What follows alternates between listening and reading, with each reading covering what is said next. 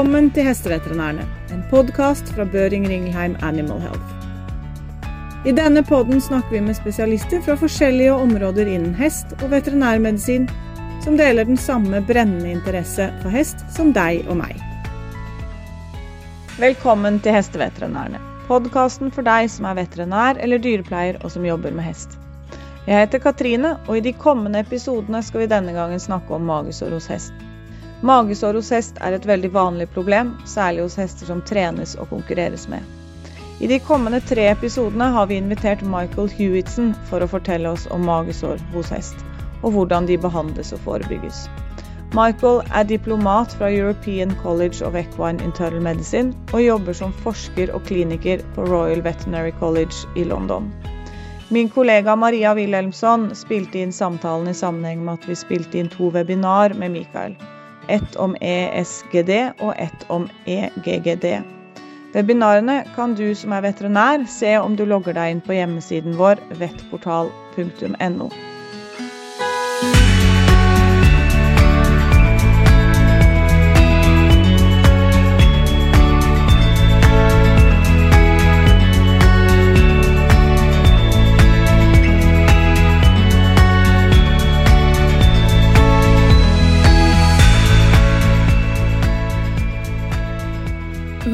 Hewetson, welcome to the podcast. Thank you. Happy to be here. So, why don't you start by telling us about yourself and your background? Well, um, I've been a an equine veterinarian now for over 20 years. Um, I actually uh, grew up in South Africa. Uh, you might you might be able to pick that up from my accent. Um, and came over to the UK after I'd graduated um, from the University of Pretoria, um, where the vet school is in South Africa. And um, I worked in private practice here in the UK for a while and then actually did my residency, so my specialist um, qualification at the University of Glasgow in Scotland. And um, it was during that time that I started to develop an interest in what in those days was just known as equine gastric ulcer syndrome. Um, and uh, subsequent to to qualifying as a specialist in internal medicine, uh, I went on to do um, my PhD, and uh, it was then that I decided to actually investigate um, an alternative uh, diagnostic test for EGUS um, or equine gastric ulcer syndrome, um, and I spent some time in Texas A&M in the States, actually, uh, where there was a colleague of mine, uh, Professor Noah Cohen, whose group had done an initial study looking at, um, uh, you know, sucrose, and we can talk about that in more detail later um, as a potential uh, diagnostic test for ulcers. And, and, and yeah, that's how sort of got involved with that. And then since then, after I'd completed um, that work, I worked in the Middle East for a while in um, a very busy sports horse practice over there. So got quite a lot of experience dealing specifically with competition horses and, and it was a very useful time, uh, you know, for me because it was good to work in that industry and it helped me understand the challenges that veterinarians and, and racehorse trainers and, you know, owners of competition horses face when it comes to things like gastric ulcers and also made it a lot easier for me to understand the limitations regarding the sort of advice I can give these people because it's, you know, it's very easy, I think, for vets to just, you know, give a whole list of, of, of management changes that they suggest to treat gastric ulcers. But actually, I think sometimes you forget that these people uh, earn a living out of uh, um, you know, competing these horses. And sometimes there are limitations to what they can do and still achieve the, the results that they want to achieve. So, so that was very useful for me. And then actually I, um, moved to Finland. So actually I have a little bit of a, uh, a background in, in the Nordic countries. I, I, worked in Finland for, for five years actually at the University of Helsinki. Um, I really enjoyed my time there, loved working in the Nordic countries.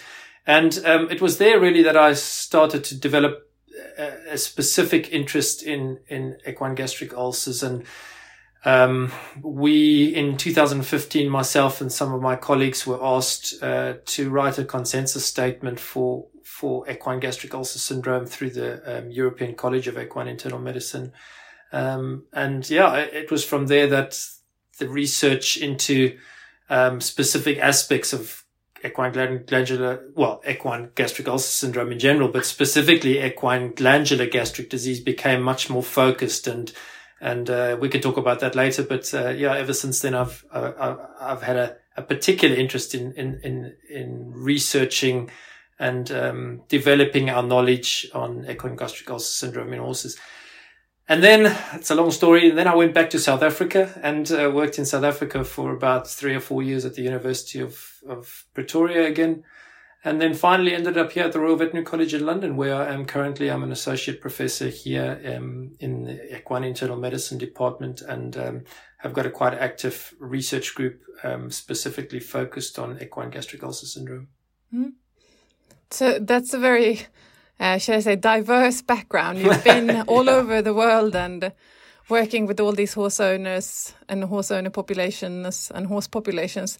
But what are what would you say are the biggest differences between these different countries that you've been practicing in? Well, that's a good question. Um, I think if we if you compare uh, working in the UK and and probably also in the Middle East to the Nordic countries, of course, the big thing was you know in the UK and in the Middle East, we were working with thoroughbred racehorses. Um, whereas, of course, in the Nordic countries, um, it's all about standardbred racing, and and uh, so that was quite interesting for me. Of course, you know, as as as you will see in in in my webinars, you know, there's not a huge amount of difference between the standardbred and the thoroughbred with respect to the prevalence of of uh, gastric ulcers, but um, it, it was a really interesting uh, learning curve for me because of course the management and the way uh, the horses are trained is quite different. So, so, so that, that was one big difference for me. And then I think the other, completely other side of the coin, of course, working in South Africa, we did quite a lot of um, work in rural areas uh, with uh, horses and donkeys that were working equids. And, um, you know, I think a lot of people forget about that aspect of the, of the equine industry. And uh, if we think about all these risk factors for for equine gastric ulcer syndrome in, in our performance horses, well, you can imagine uh, the risk factors for working horses that are, are, are, are undergoing the same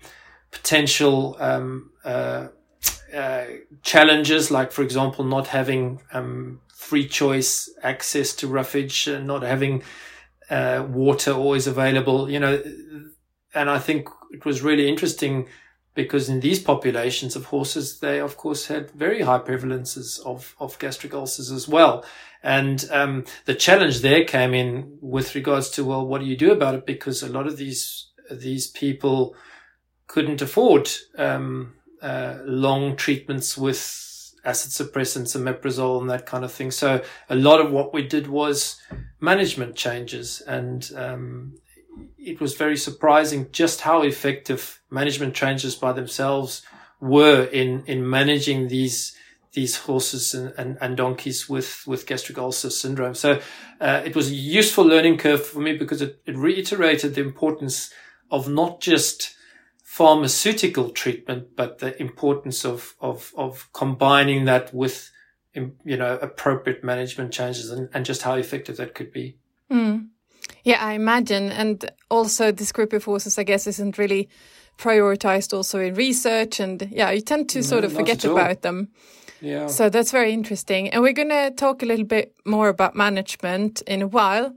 Um, but also, since you've been um, working for quite some time and you've been studying this interesting disease all the all the way since it was only one condition that we knew of and and then we know so much more today with these two different conditions.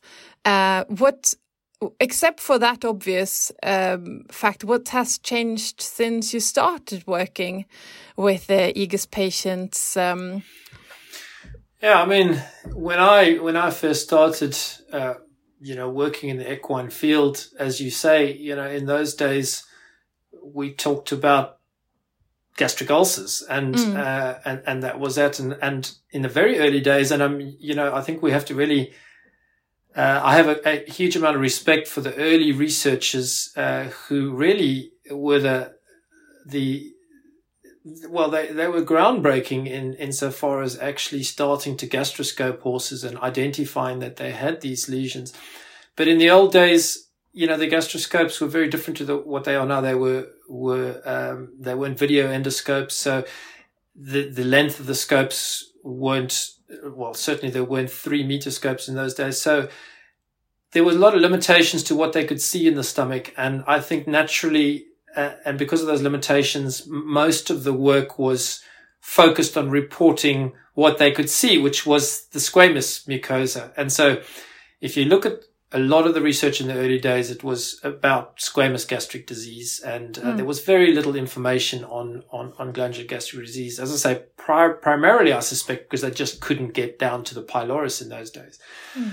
And then, uh, you know, in, in 1999, uh, just when I sort of sort of came onto the veterinary scene, uh, there was an effort to start to sort of consolidate the knowledge uh, that these early researchers, Mike Murray and people like that, uh, um, Frank Andrews, and they they they put together this equine gastric ulcer syndrome a panel um, uh, and and made an attempt to sort of uh, at least um, put a name to what they had seen, and, and and so we started to talk about the concept of equine gastric ulcer syndrome rather than mm. just gastric ulcers.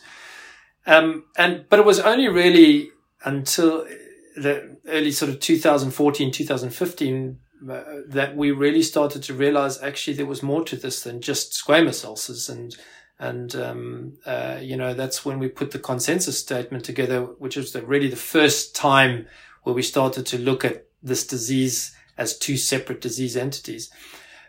So, I mean, from that perspective, uh, that was a huge change and, and that generated a huge amount of research, which, which has really helped us understand the disease much better now.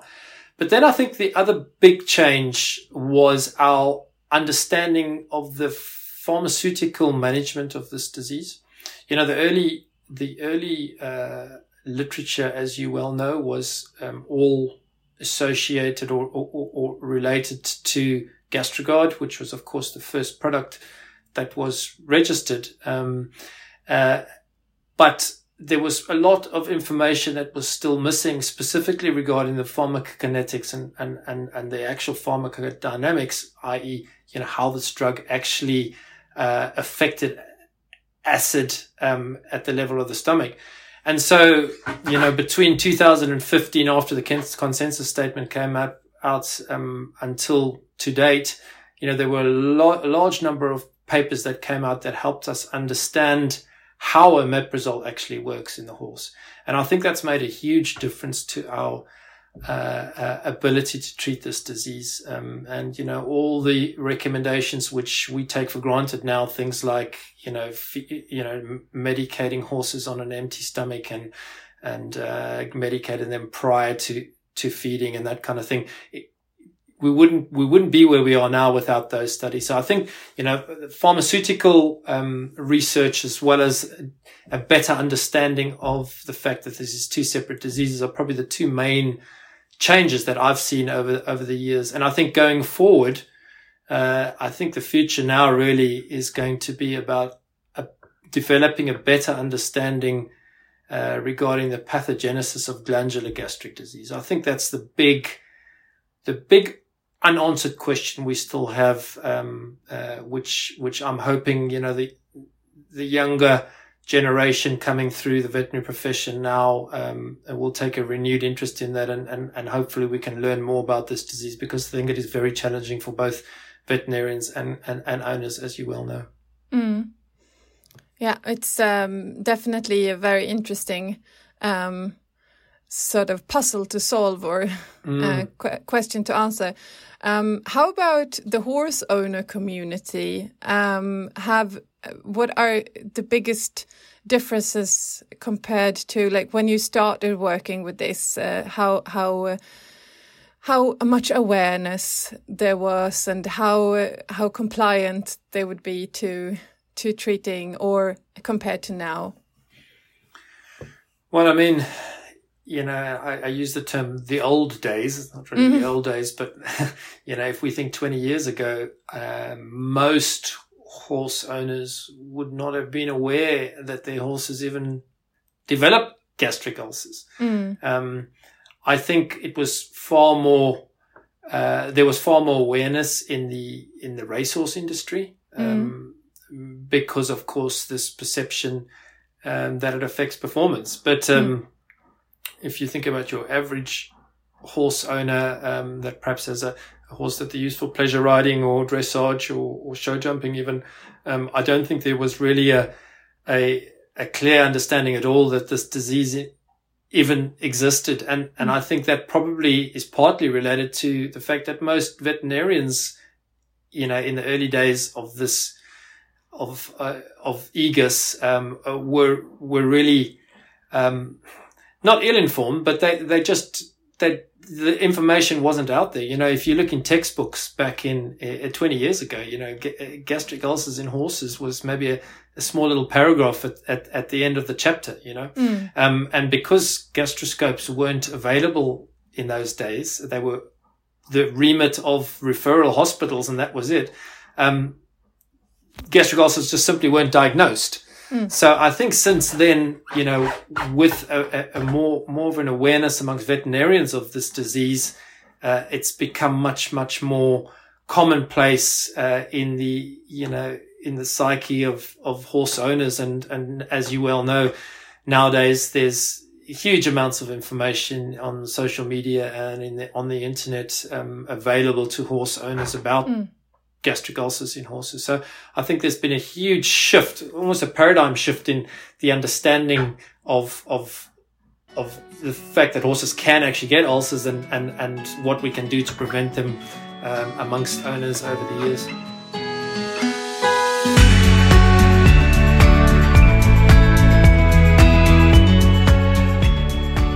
I wanted to stay a little bit with um, with a horse owner because uh, you mentioned in your webinar some very interesting research that you have just recently uh, bef- been doing uh, in your research group. Um, that considering then how good the horse owners are at recognizing signs of EGUS. Um, because as you say, I mean, the awareness is, is very high. There's this information of this disease all over, or these diseases all over the internet. Um, and it's often something that you would hear horse owners say, well, have you checked for EGUS or have you checked for ulcers in more or less any situation where their horse is not behaving as it should according to them. So tell us a, bit more about this research that you've been doing and the results from this. Yeah, well, this this research actually stemmed um, from a frustration that I had, uh, insofar as I, have I've never really felt comfortable that I've understood what the characteristic and classical clinical signs of, of, of gastric ulcers is. And, and, and let's not use the term glandular gastric disease or squamous gastric disease, but just generally gastric ulcers for the time being. Um, you know, there's just so many clinical signs reported for this disease. Um, mm. But my experience as a veterinarian was that uh, many, many situations, um, I would see horses with quite severe gastric ulcers um, that showed no clinical signs, or mm. uh, I would have um, owners that were were you know, absolutely convinced that their horses had gastric ulcers, and then we would scope them, and they would have a completely normal stomach. Mm. And so I, I, thought it would be very, very valuable to try and find out find out if there was some kind of statistical association between clinical signs that we report as being possibly related to gastric ulcers and what we actually see with the gastroscope. Initially, I wasn't specifically interested in in owner's perception of it. It was just that that was the only information I could get because, of course, as vets, we don't watch these horses every day, mm. so we have to rely on owners to give us that information. Mm. Um, and so what I what I decided to do uh, was to send out a questionnaire to to owners um, prior to them having their horses gastroscoped, with essentially outlining uh, with some questions uh, any clinical signs that they may have recognized in their horse, and then the important thing about the study was that this was done prior to them knowing the results of what we found on gastroscopy. So they, you know, um, so that there wasn't any any bias from that perspective. Mm. And then we would gastroscope the horse, and and the idea was that we would then compare what we found in gastroscopy to actually um, what the owners had reported. And and as you can see in in my webinar um, specifically for glandular gastric disease. Now, I've also done this work for squamous gastric disease. I haven't published it yet, but um, I suspect that's going to be a similar finding. Uh, what we found was very interestingly that um, owners' perception of what they consider a clinical sign uh, for their horse, might, you know, potentially having an ulcer, let's say, for example, um, flank sensitivity or colic, um, there was no association between that and what we saw on gastroscopy. Uh, so essentially, some horses had no clinical signs, but they had ulcers, um, and others had what, according to the owners, lots of clinical signs that they considered classical for gastric ulcers. And when we scoped them, they had completely normal stomachs. And I think what's going on there um, is a thing called confirmation bias or or observation, uh, observer expectancy effect. And that's a very well known source of bias in clinical studies where, where you're relying on people to give you information um, uh, about the clinical signs uh, of a patient. So these owners, uh, because as we've said already, have all this access, access to all this information on the internet about gastric ulcers and, uh, you know, your horse has got gastric ulcers if it's if it's got flank sensitivity or your horse has got gastric ulcers if it's if it's if it's crib biting for example and so owners of course see their horse doing that and are convinced that their horses must have ulcers because they're showing those signs not not considering perhaps that there might be another reason for why the horse is doing that so they almost convince themselves um, that their horse has got a clinical sign because they convinced their horses got gastric ulcers, if that mm. makes sense. Mm. And, and so I think a lot of what we were seeing in the results was associated with confirmation bias. And I think it's important to clarify. I, I don't, I'm not saying for a second that there aren't clinical signs associated with gastric ulcers. It's just, I think we haven't got good enough at recognizing what they are yet. Mm. Um, and I think the take home message for me from this study uh, was two things really. The first is currently as it stands, I don't think we can only rely on clinical signs reported by owners um, to decide whether we should be gastroscoping horses. I think we should also base it on recognized risk factors. So mm. if you've got a a, a racehorse uh, in intense training um, that's perhaps not performing as well as it, it, it would normally be, and it's got all the risk factors for uh, gastric ulcers, then that's sort of horse that you should probably gastroscope. Mm. But it, but um, I don't think we can just rely on clinical signs um, for that.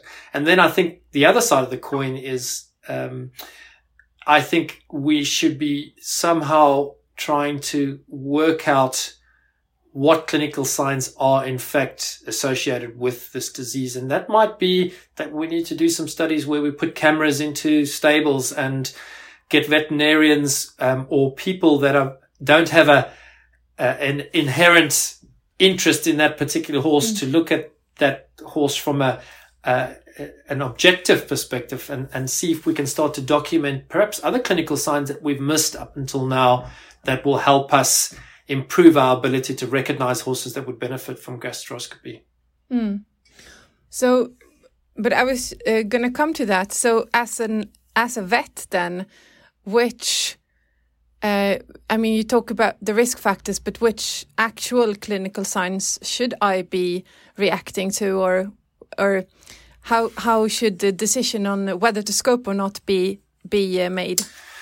Yeah, it's a good question, uh, Maria, and it's quite funny. Um, when I submitted uh, this research for publication. Actually, um, presented it at a, at a congress recently. Um, one of the reviewers' comment was, "This is very disappointing results," and I think that's exactly the point because you know the big question is, well, what now? You know, what mm. do we hmm. do? Because I mean, I looked at over 400 horses, um, and I can tell you for a fact that there is no association between the clinical signs that we're seeing for glandular gastric disease, um, mm. certainly.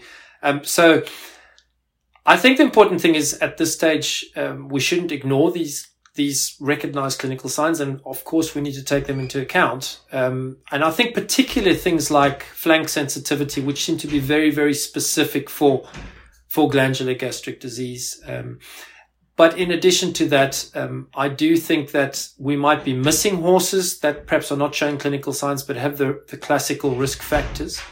Um, or on the other side of the coin, maybe, you know, a horse that's showing these, um, uh, recognized clinical signs, but in fact, uh, uh, has no, none of the recognized risk factors. Um, maybe we should be saying to owners, well, look, you know, let's, uh, let's see how the horse gets on for a while and perhaps look at other other things rather than jumping straight into gastroscoping those horses. Mm. So I wish I could give you a more clear answer. I, I think the the take home message I would like to get across is that we still don't understand the significance of the clinical signs that are reported for gastric ulcers in horses and and um, I'm not saying we should ignore them, but I do think we should be considering the fact that there might be horses out there that that have gastric ulcers that don't show clinical signs. Mm.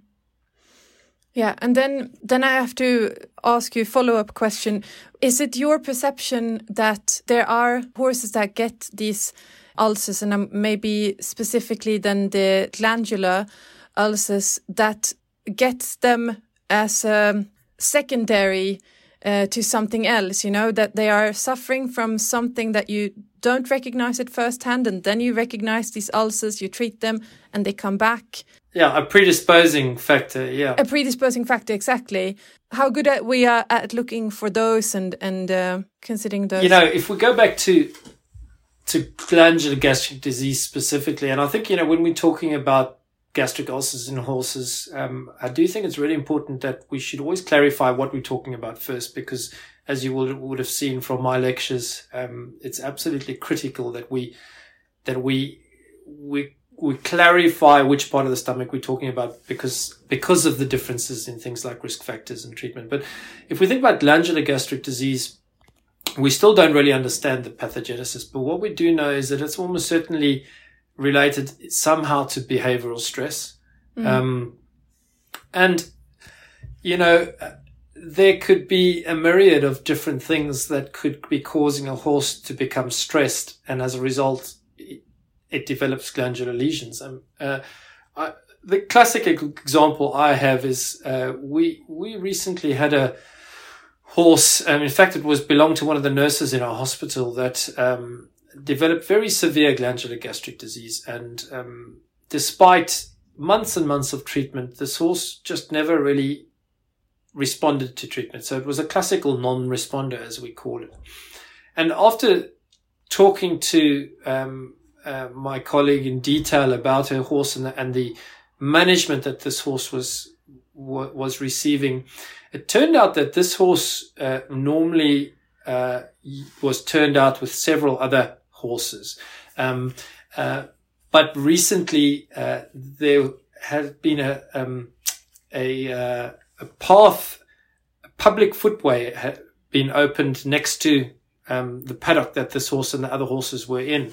Mm. And so uh, the other horses that this horse had been um, um, in the same paddock with became really, really stressed every time people walked past. So they took them out of the paddock and left this horse by itself oh. in that oh. paddock. Mm. Uh, and, you know, it's such a simple thing, but, mm. uh, you know, we forget that horses are, are, are, are gregarious animals. They herd animals. Mm. And, um, you won't believe it, but by changing that one aspect of that horse's management and um, uh, providing it companions again that weren't separated by a fence, uh, within one month, that horse's gastric glandular disease had resolved. And mm. it made me absolutely convinced that a lot of what we're seeing is secondary to to stresses that we don't necessarily recognize and that Yeah.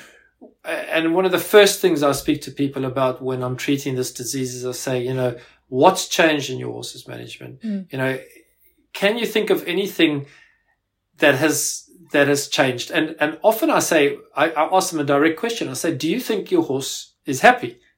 I mean, it sounds silly and it sounds anthropomorphic, but it's very, very true. You know, um, and simple things like, you know, giving them companionship and making sure that they can look out over a stable and there's another horse on the opposite side. You know, those little things can make a huge difference. And I, and I, I I think that's certainly a predisposing factor. Then the, then the other commonly asked question I get is, eh, is lameness and musculoskeletal conditions a predisposing fact? Because, you know, logically you'd think, well, horses that are in pain are in stress. Uh, They, they, they increase, they have an increased amount of stress and, and presumably that might uh, have implications on the development of glandular gastric disease. Now, there is no work out there that's looked at that specifically. Um, and I think it would be a really interesting thing to look at. Um, the problem is that it's it's quite um, there's a lot of confounders. Yeah. You know, you can imagine uh, it's very difficult to tease out what the risk factor is and what what the predisposing factor is because, of course, you know, musculoskeletal disease. Those horses might be on high doses of non-steroidal anti-inflammatories. They might be management might have been changed because they were lame. So it's very hard to to work out which aspect of that is actually causing an incre- increased likelihood that the horses have developed glandular gastric disease. But to answer your question, I have no, there's no doubt in my mind that um, there are many underlying predisposing factors uh, to this disease. And I think the big overriding uh, theme here is behavioral stress.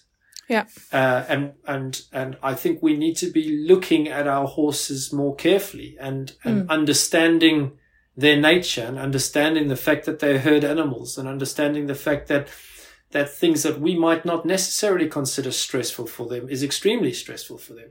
Mm. You know, um, and as I say, I always think back to that example and, and I use it every single time I speak to vets about non-responding horses. And I say, mm.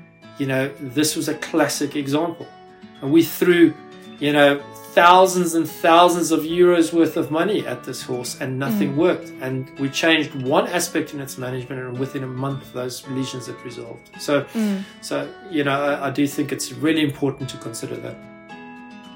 That's uh, yeah, that's very um, eye-opening. I think. yeah, it is. It is.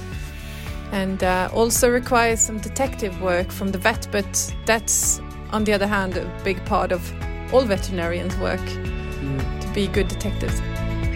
Tusen takk for at du lytter til Hesteveterinærene. Hvis du liker det du hører, glem ikke å trykke følger eller lignende i podkastappen din, slik at du ikke går glipp av en eneste episode. Fortell også gjerne om hva du syns ved å gi en tilbakemelding. Vi tar også gjerne imot tips om kommende gjester og emner. Kontaktinformasjonen vår finner du i beskrivelsen av podden. Vi høres snart!